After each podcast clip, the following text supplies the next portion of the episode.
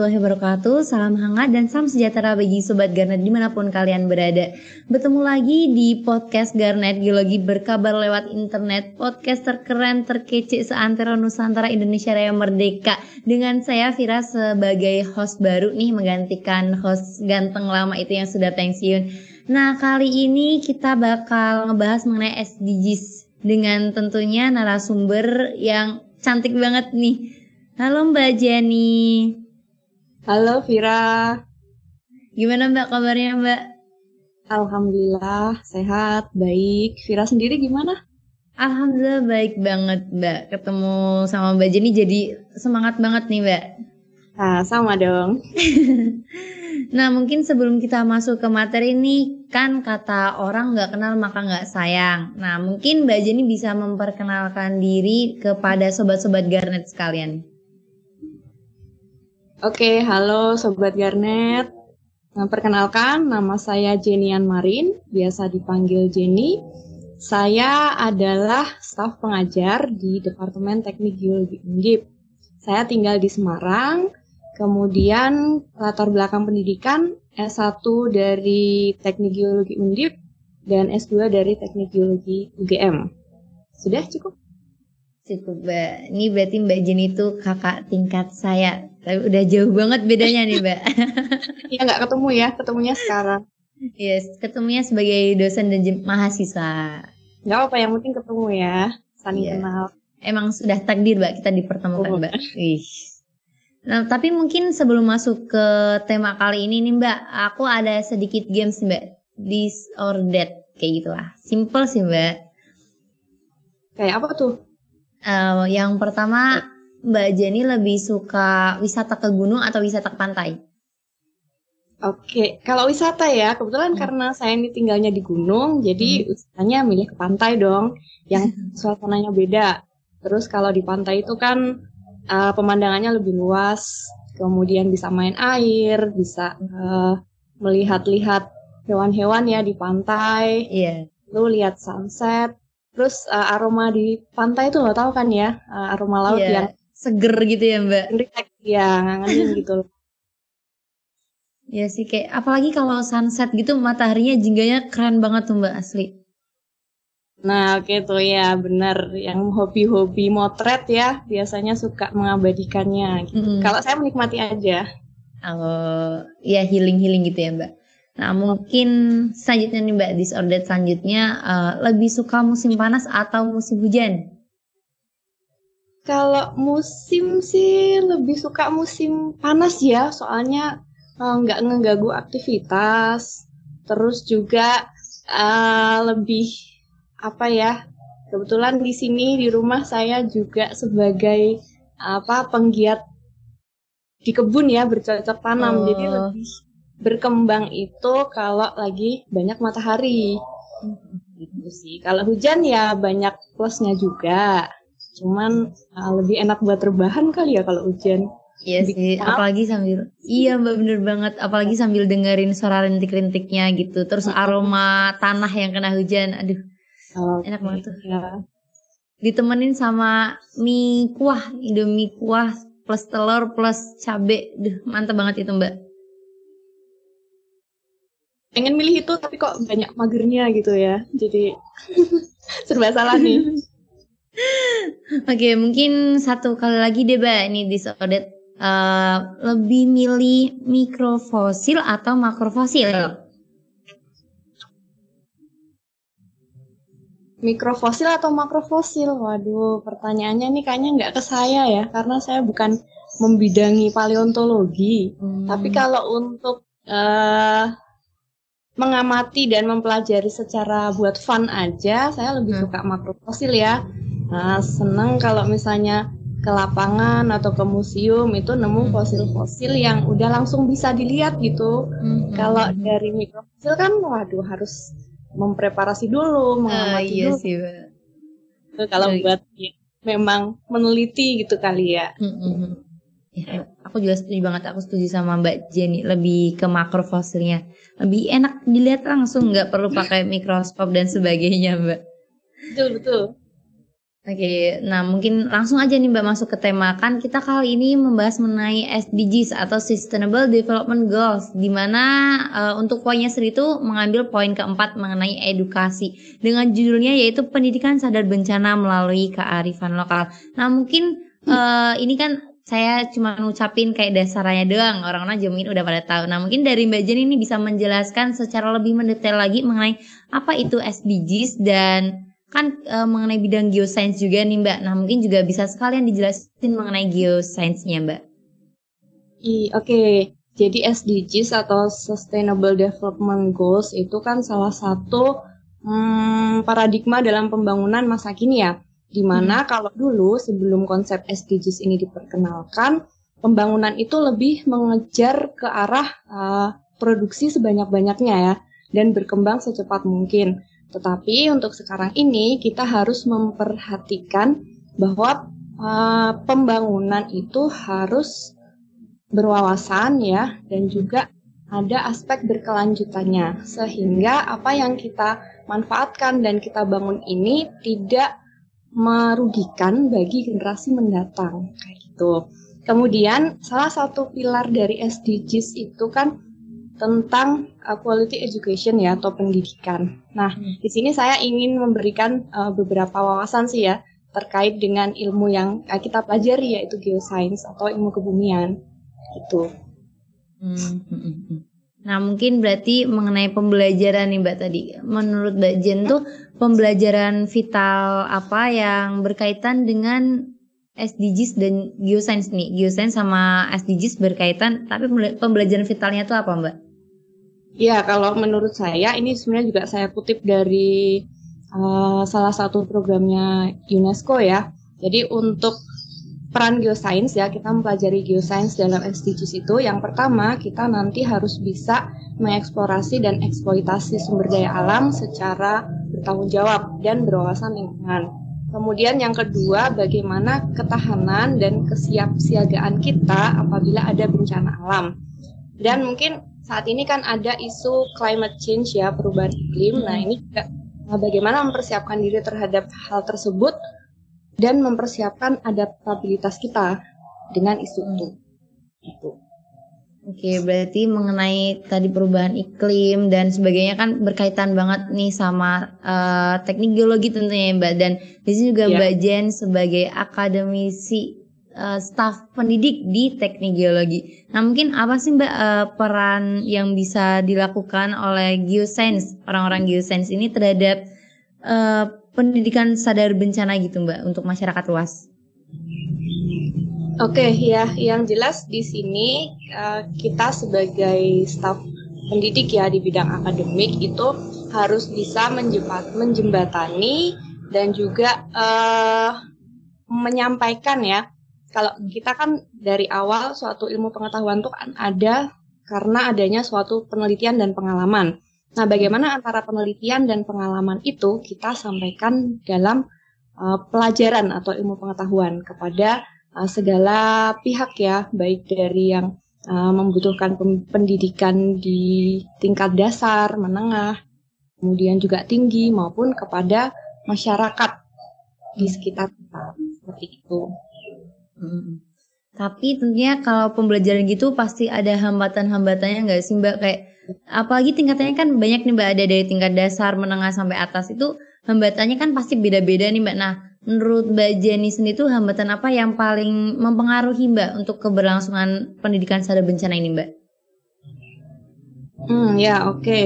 Mungkin ini saya tidak akan mengkhususkan ke tiap uh, segmen pendidikan tersebut ya. Tapi kalau di dunia geoscience sendiri nih, uh, untuk uh, salah satu aspek dari SDGs tadi ya, nah intinya kata kuncinya kan keberlanjutan atau sustainability.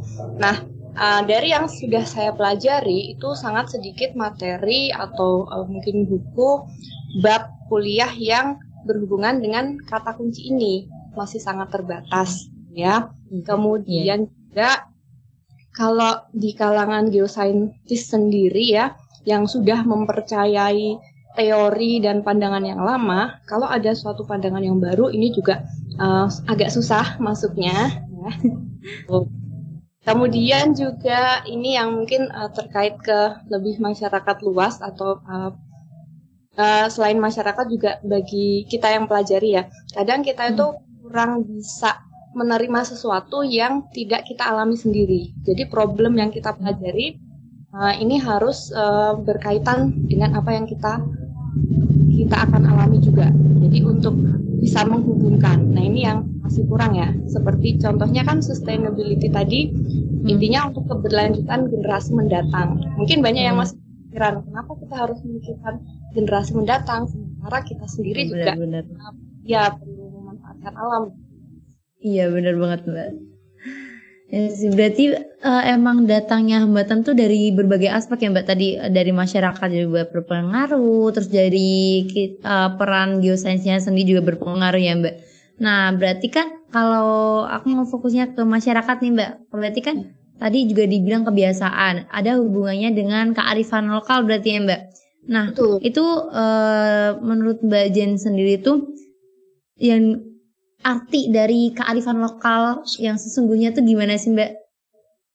Oke, ya mungkin kalau ahli budaya yang lebih paham, tapi hmm. yang jelas di Indonesia itu kan terdiri dari berbagai macam suku ya sukunya dari uh, ujung Sumatera sampai ke Papua mm-hmm. kan banyak mm-hmm. sekali. Nah masing-masing sudah uh, menjalani apa kehidupan masyarakat yang mungkin sudah ribuan atau ratusan tahun. Nah mereka tuh memiliki suatu pengetahuan, kebiasaan atau pemahaman yang lahir dari pengalaman dan mereka anggap benar. Kalau mereka mengikuti hal tersebut itu akan uh, bisa menjalankan kehidupan dengan lebih baik.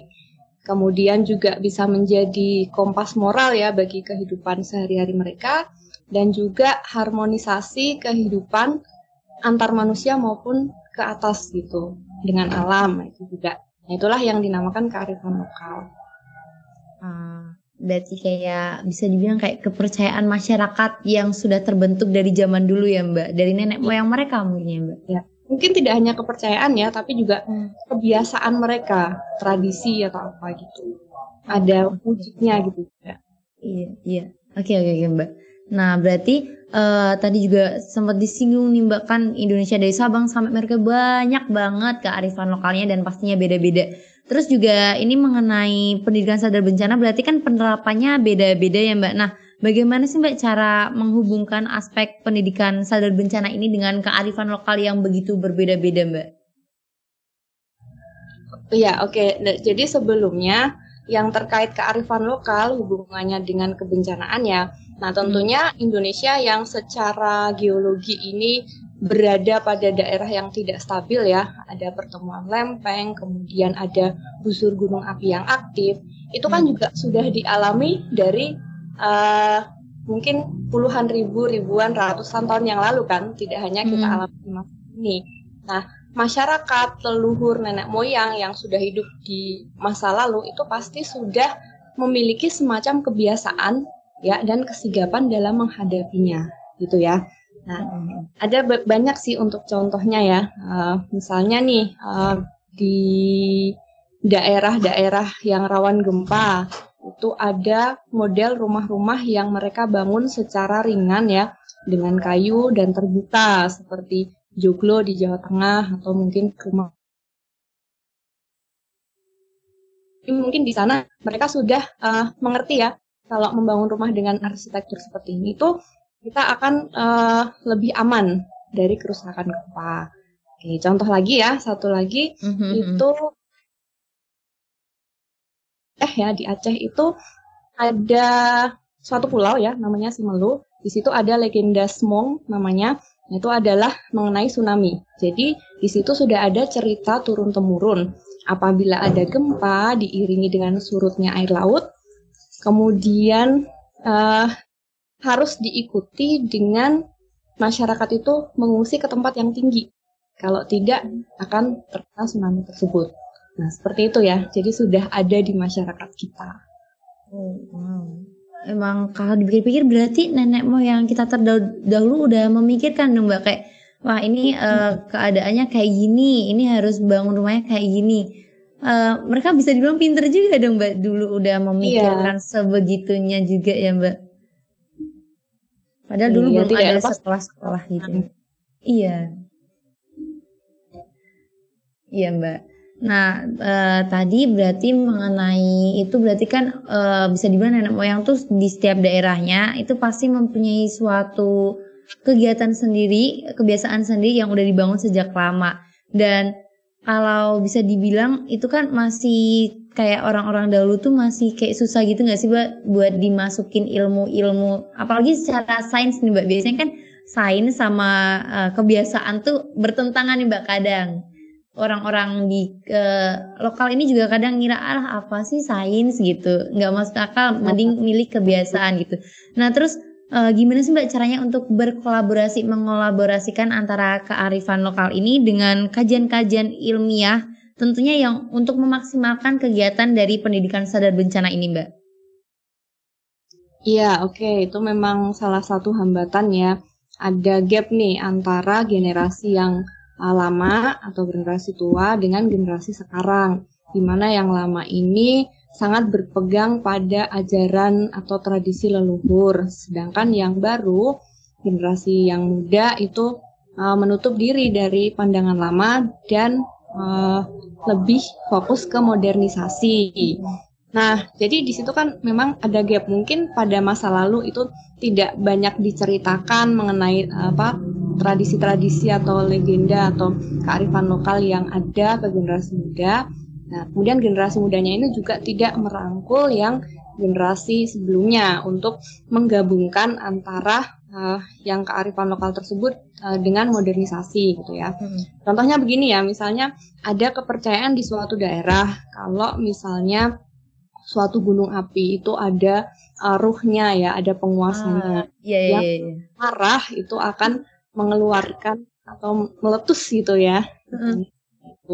Nah, kalau dipikir-pikir kan seperti itu tuh uh, tidak masuk akal ya. Kalau yang dari ilmu pengetahuan kan tidak ada gitu ya. Tapi itu yang dipercaya di masyarakat. Nah, bagaimana dong? Gitu ya. Nah, uh, sebenarnya untuk ketakutan masyarakat itu kan mempengaruhi mereka dalam bertindak. Misalnya mereka jadi selalu waspada, terus selalu uh, berusaha tenang kalau ada tanda-tanda kemarahan. Nah, hal itu yang harusnya kita ambil. Uh, bagaimana uh, mereka itu teliti terhadap tanda-tanda dan ketenangan mereka dalam mengatasi bencana. Ini yang harus dikembangkan. Nah, di situ kita memperkenalkan uh, bagaimana secara ilmu pengetahuan uh, tanda-tanda itu tuh berarti apa. Terus kita harus bertindak bagaimana gitu. Oh oke, okay. berarti emang harus ada pengenalan gitu ya mbak. Berarti bisa dibilang ada program-program uh, untuk mengaplikasikan pendidikan sadar bencana ini dengan menggunakan kearifan lokal ya mbak. Kan tadi juga sempat disinggung nih sama mbak Jenny kalau adanya suatu kebiasaan itu bakal lebih memudahkan. Nah program apa sih mbak yang nantinya dapat diaplikasikan dalam uh, pendidikan sadar bencana ini?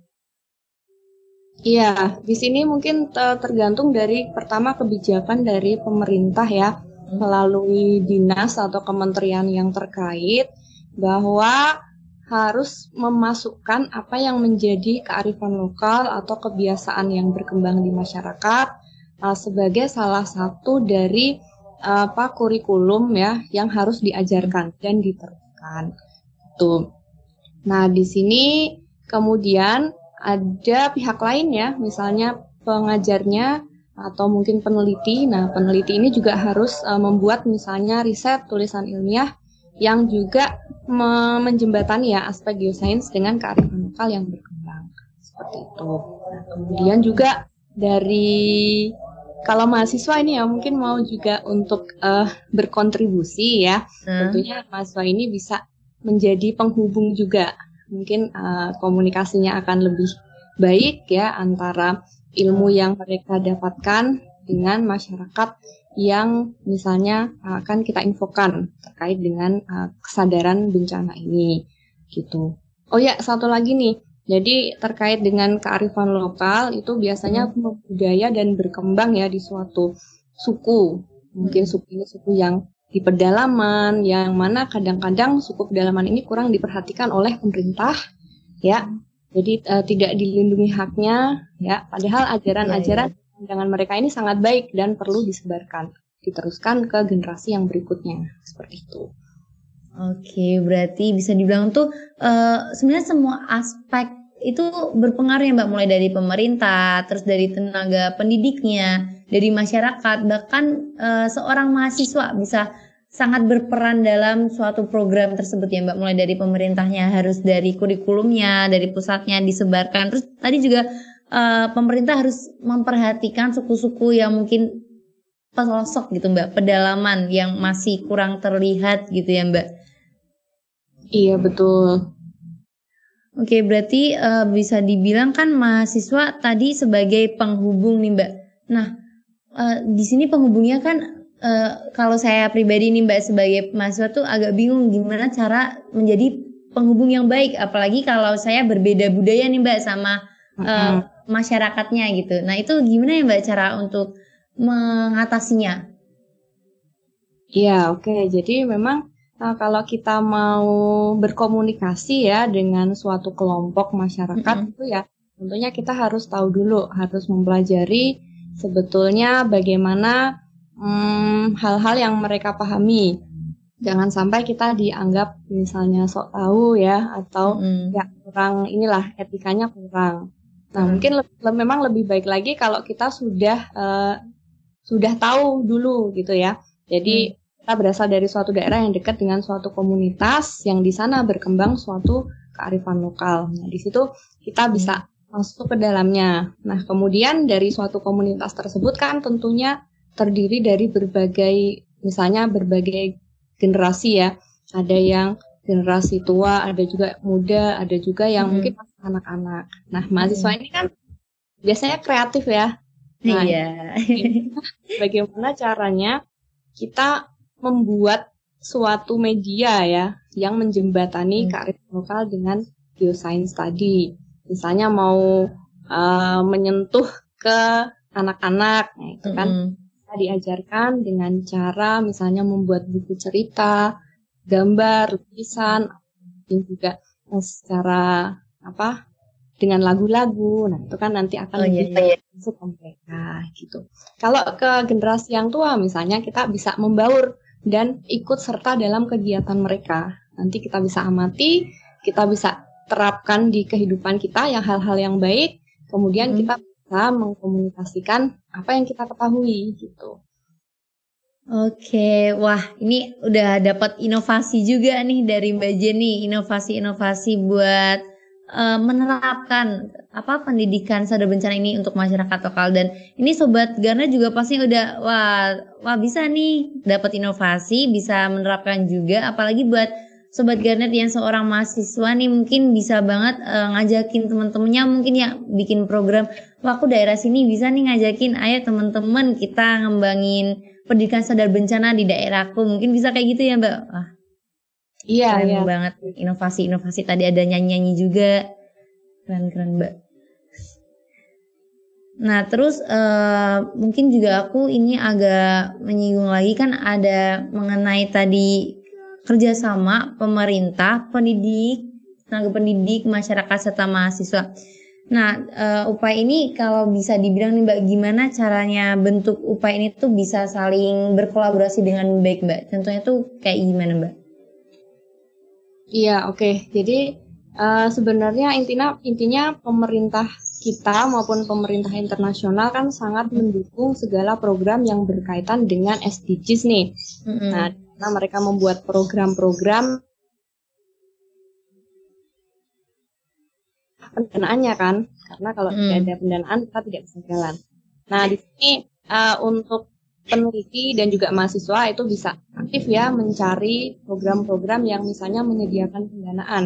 Kita bisa hmm. menyusun proposal, kemudian mungkin dan juga uh, diajukan kepada pihak-pihak yang mungkin membuat program tersebut. Jadi nanti uh, kalau disetujui bisa menerapkan apa yang kita rencanakan itu di masyarakat yang uh, menjadi target dan sasaran kita. Nah, kemudian sebenarnya selain dari pemerintah kita sendiri hmm. juga uh, banyak kerjasama kerjasama internasional ya yang concern juga di masalah SDGs dan pendidikan dan juga pencanaan gitu. Mungkin uh, Kira ingat nggak ada gempa Palu tahun 2018? Ah inget banget mbak itu bener-bener beritanya di TV tuh kayak menghiburkan banget terus aku yang nggak di sananya nggak punya saudara di sana juga ikut ngerasain sedihnya sih mbak itu. Selain gempa ada bencana ikutannya tahu nggak Kira? Ada kalau kalau nggak salah ada tsunami juga nggak sih mbak? Ya ada tsunami. Ada satu lagi loh. Uh, bentar bentar mbak. Aku agak lupa nih mbak apa nih mbak? kayak gunung ya, meletus. ada likuifaksi. Oh, bukan. Faksi ya, ya. Ya, likuifaksi ya bagi uh, kita yang pelajari geologi mungkin kan tidak terlalu paham juga ya, kecuali yang benar-benar memahami gitu kan. Yang kalau ada tanah kena getaran terus jadi cair sehingga bangunan di atasnya rusak semua. Tapi ternyata masyarakat di Palu itu bahkan punya istilah sendiri bagi likuifaksi tersebut. Namanya nalodo. Wow, baru tahu aku Mbak ini. Sudah tahu ya, mereka sudah tahu. Dan uh, dengan adanya hal tersebut ya, pemerintah itu menggandeng banyak sekali eh, organisasi-organisasi uh, dan juga pusat penelitian dari luar negeri berusaha untuk meneliti hal tersebut supaya dampaknya di masa depan itu tidak akan sebesar yang di masa lalu gitu. Wow. Oh, berarti emang udah ada usaha dan kerjasama dan ini juga berarti melibatkan internasional bahkan ya Mbak dunia iya. internasional oh keren wah nggak kerasa banget nih Mbak kita udah ngobrol panjang lebar iya. banyak banget nah tadi juga uh, yang disampaikan sama Mbak Jenny benar-benar ngebuka mata pandangan terkhusus buat sobat-sobat Garnet ini mengenai pendidikan sadar bencana dan juga kearifan lokal Mbak. Nah mungkin uh, untuk penutupnya nih Mbak, penutup podcast kali ini nih, aku ada sedikit tebak-tebakan untuk Mbak Jen nih. Waduh, apa nih? Hewan, hewan apa yang punya banyak keahlian? Hewan yang punya banyak keahlian, apa yeah. ya? Yang di pikiranku cuman monyet ya, yang di topeng monyet kan bisa macam-macam tuh, bisa uh, belanja, bisa apa memasak gitu. Ya benar nggak? Ya, iya benar juga sih Mbak, tapi bukan, bukan monyet. Aduh. Jawabannya yaitu mau nyerah apa mau berusaha lagi nih Mbak? Ah udah nggak kepikiran deh. Oke, jawabannya yaitu kukang karena ada kukang galon, kukang gas, kukang tambal ban, terus ada juga kukang servis AC. Banyak kan Mbak kukang tuh? Baik, baik. Oke, oke. Mas, mas Oke, mungkin ya sedikit jokes ini semoga uh, mana ada pengetahuan juga bagi sobat-sobat iya, Garnet. Iya. Oke, untuk terakhir kalinya nih aku ada penutupan berupa pantun. Uh, jalan-jalan membeli paku, paku dipukul dengan tembaga. Mohon maaf apabila ada salah kataku. Sekian dan sampai jumpa di episode selanjutnya.